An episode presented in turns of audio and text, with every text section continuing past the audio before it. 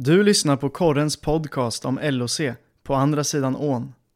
Podden sponsras av Elon Coldman Johannelund, nu även med ljud och bild. Och Engströms bil med starka varumärken som Volkswagen, Audi, Skoda, Seat och Cupra. Vi hälsar er varmt välkomna till ett nytt avsnitt av På andra sidan ån.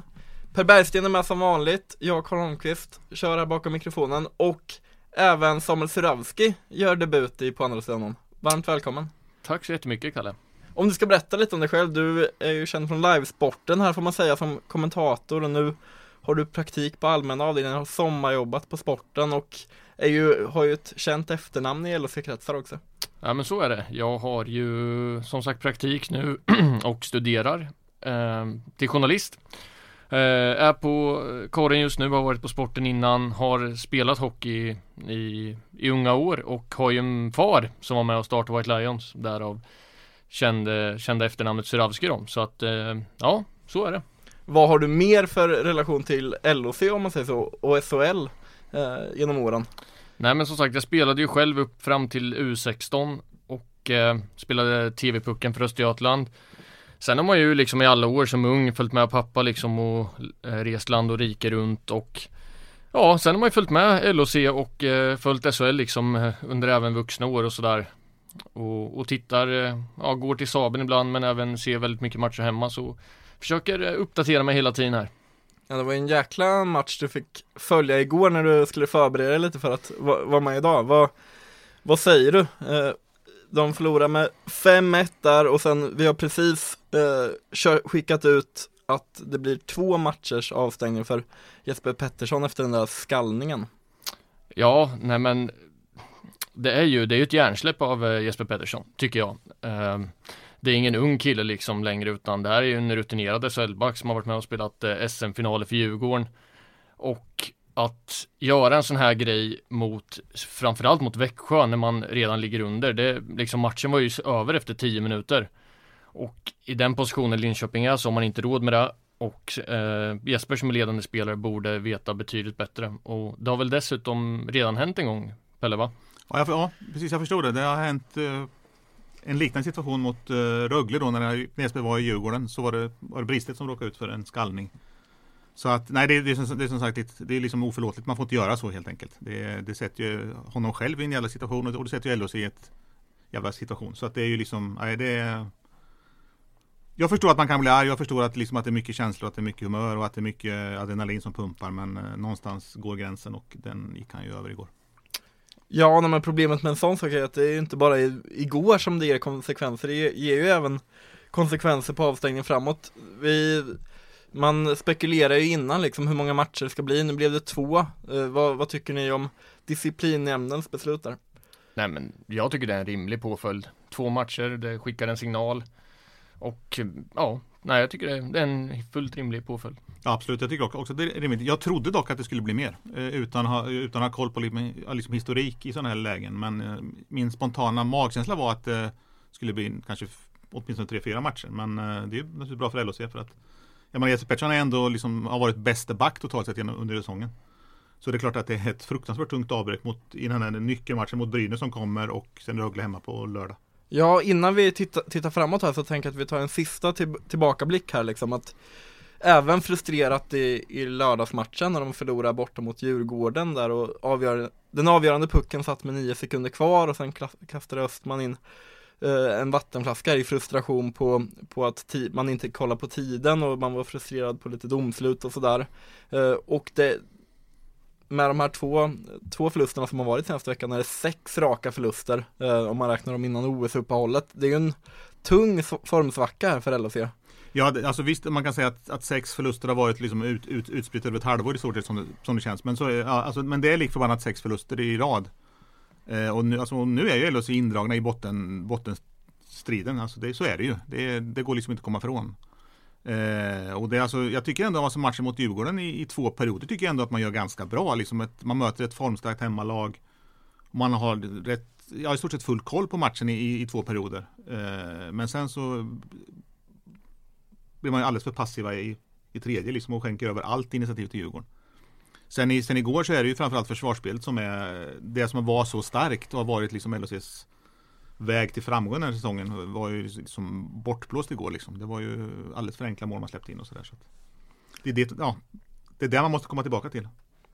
Ja, nu, nu, ja, jag var på träningen här i förmiddag så Craig Shearer ser ut att kunna vara tillbaka eh, till på lördag. Det hoppas han själv och det hoppas Claes Östman. Eh, när man tittar tillbaka igen så har det ju, har det ju varit där det har varit lite skadebekymmer och frånvarobekymmer för LHC liksom. Hur viktigt känns det nu att Shira kommer tillbaka, han får möta sitt gamla lag Rögle, då troligtvis på lördag och då saknar man också Jesper Pettersson. Men vad tycker ni om hela backsituationen? För det är ju där det börjar och det är där, där LHC vill vara bra.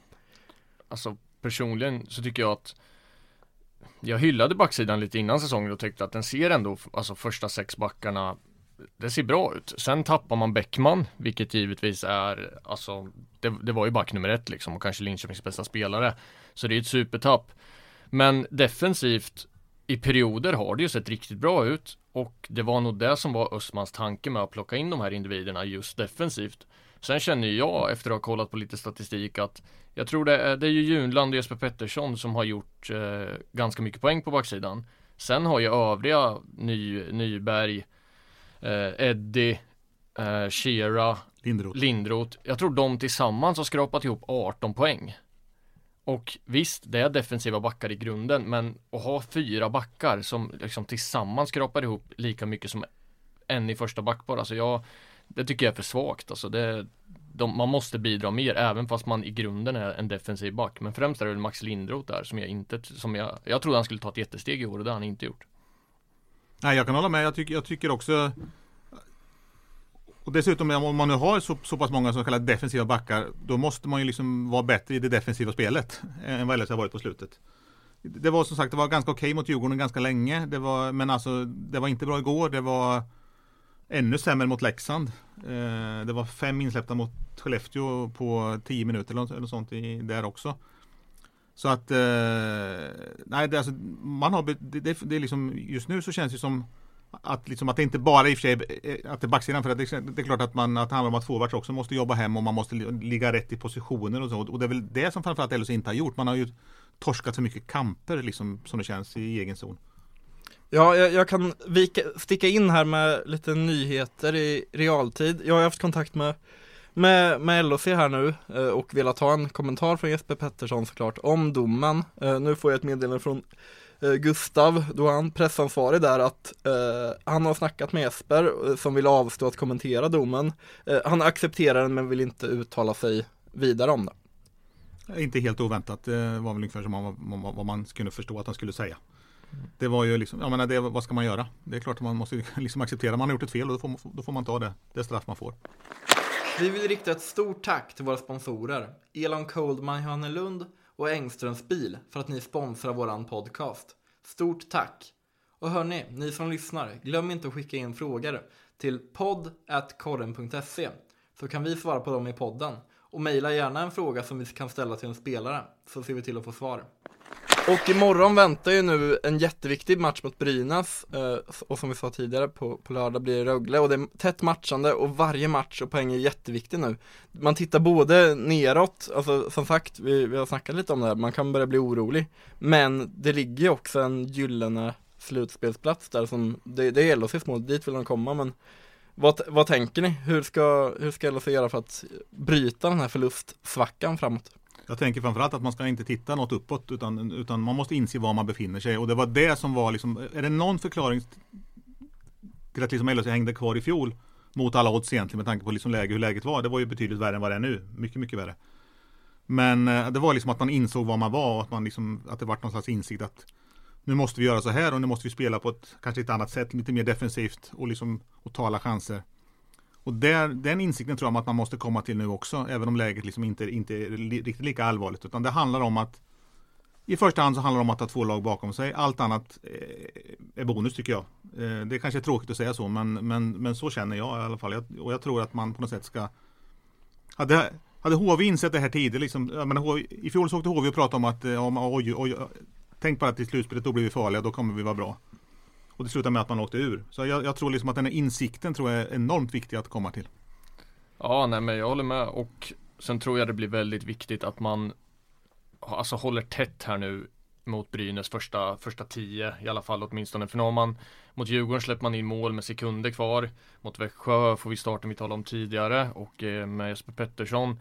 Så att alltså det, när, man, när allt fylls på med negativa grejer så, så sprids det i omklädningsrummet såklart. Det är bara människor det här också.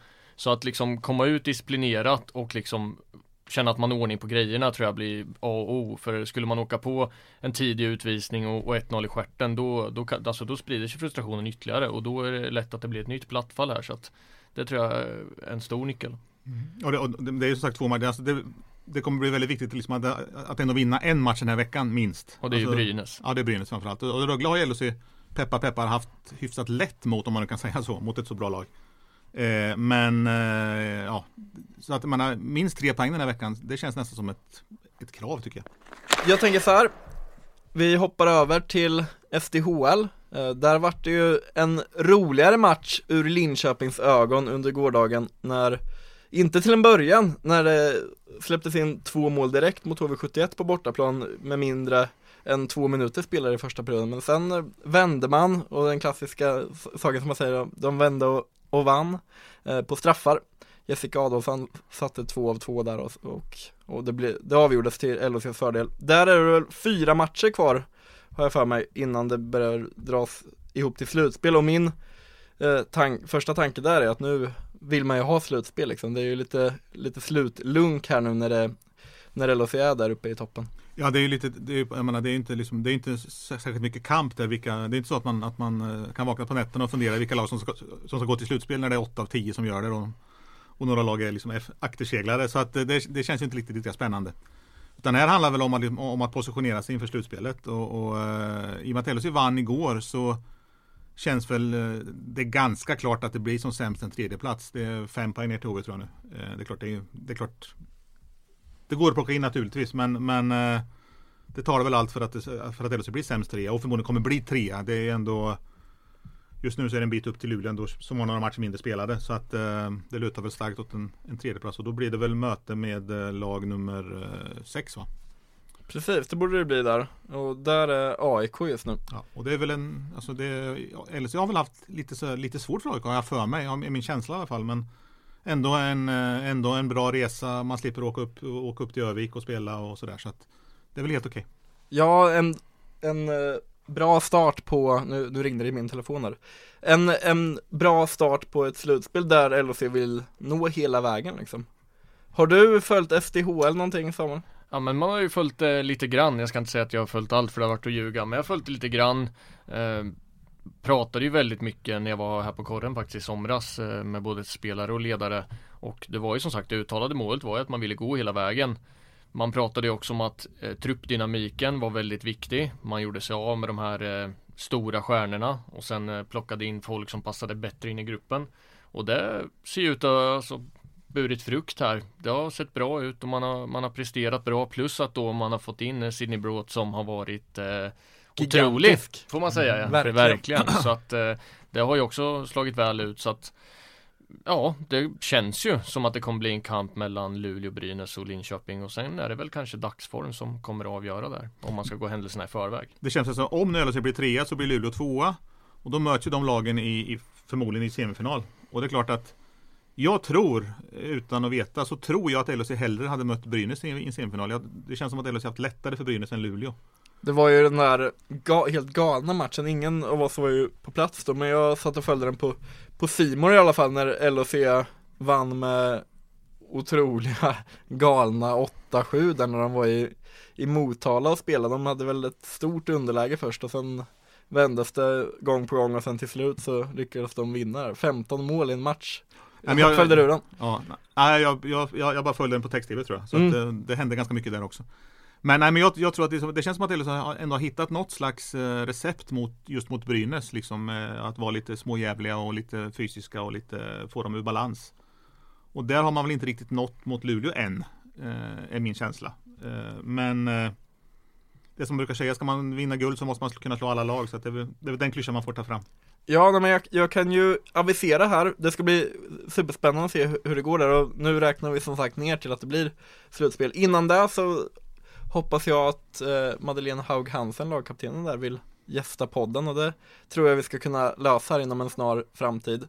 Eh, vi fick även mail från en lyssnare eh, som var sugen på att höra Marcus Ljungs tankar om LOC och förlängningen och, och spelet och, och, och, så vidare. Och det ska vi också försöka lösa här framöver. Så kom ihåg att höra av er på, på mejlen eh, som heter, och som, som jag brukar tjata om, podd med 2d korren.se Vi vill rikta ett stort tack till våra sponsorer Elon Coldman Johannelund och Engströms bil för att ni sponsrar våran podcast. Stort tack! Och hörni, ni som lyssnar, glöm inte att skicka in frågor till podd.korren.se så kan vi svara på dem i podden.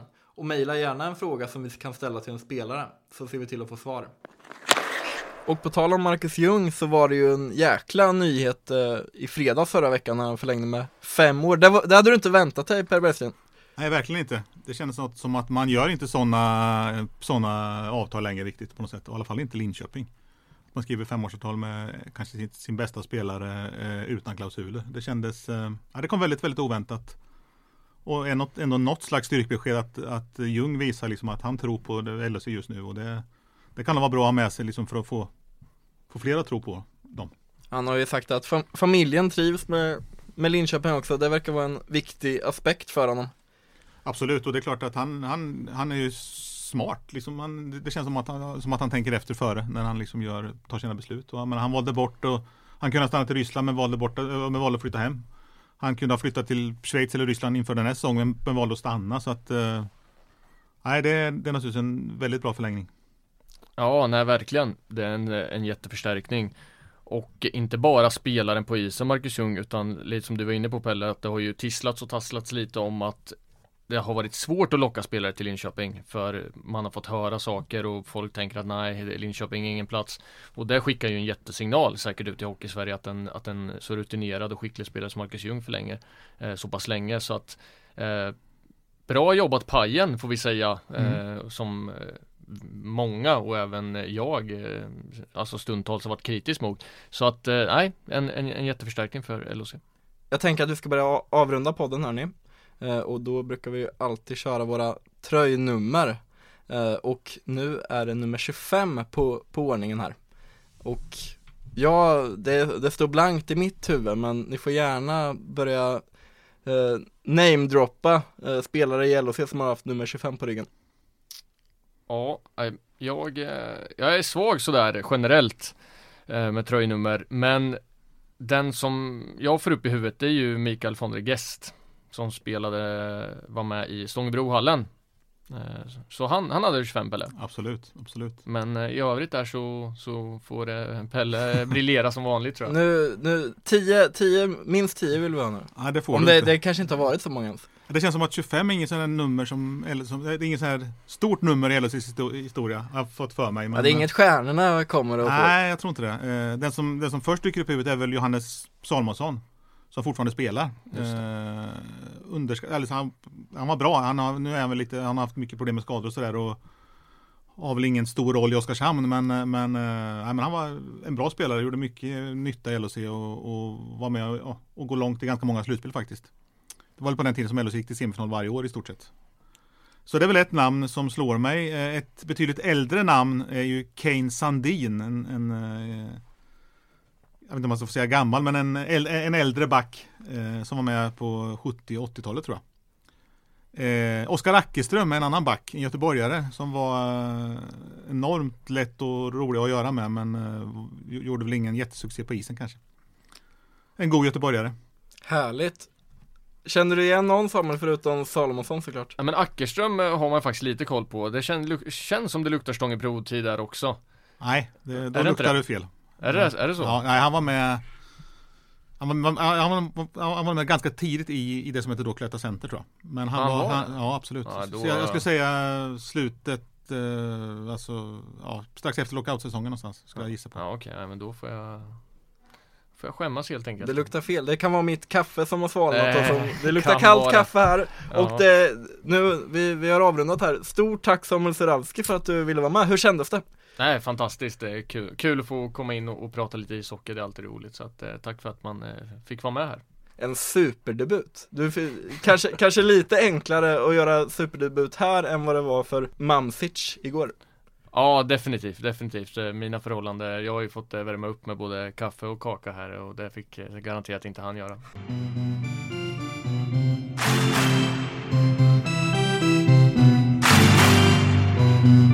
Du har lyssnat på Korrens podcast om LOC, På andra sidan ån.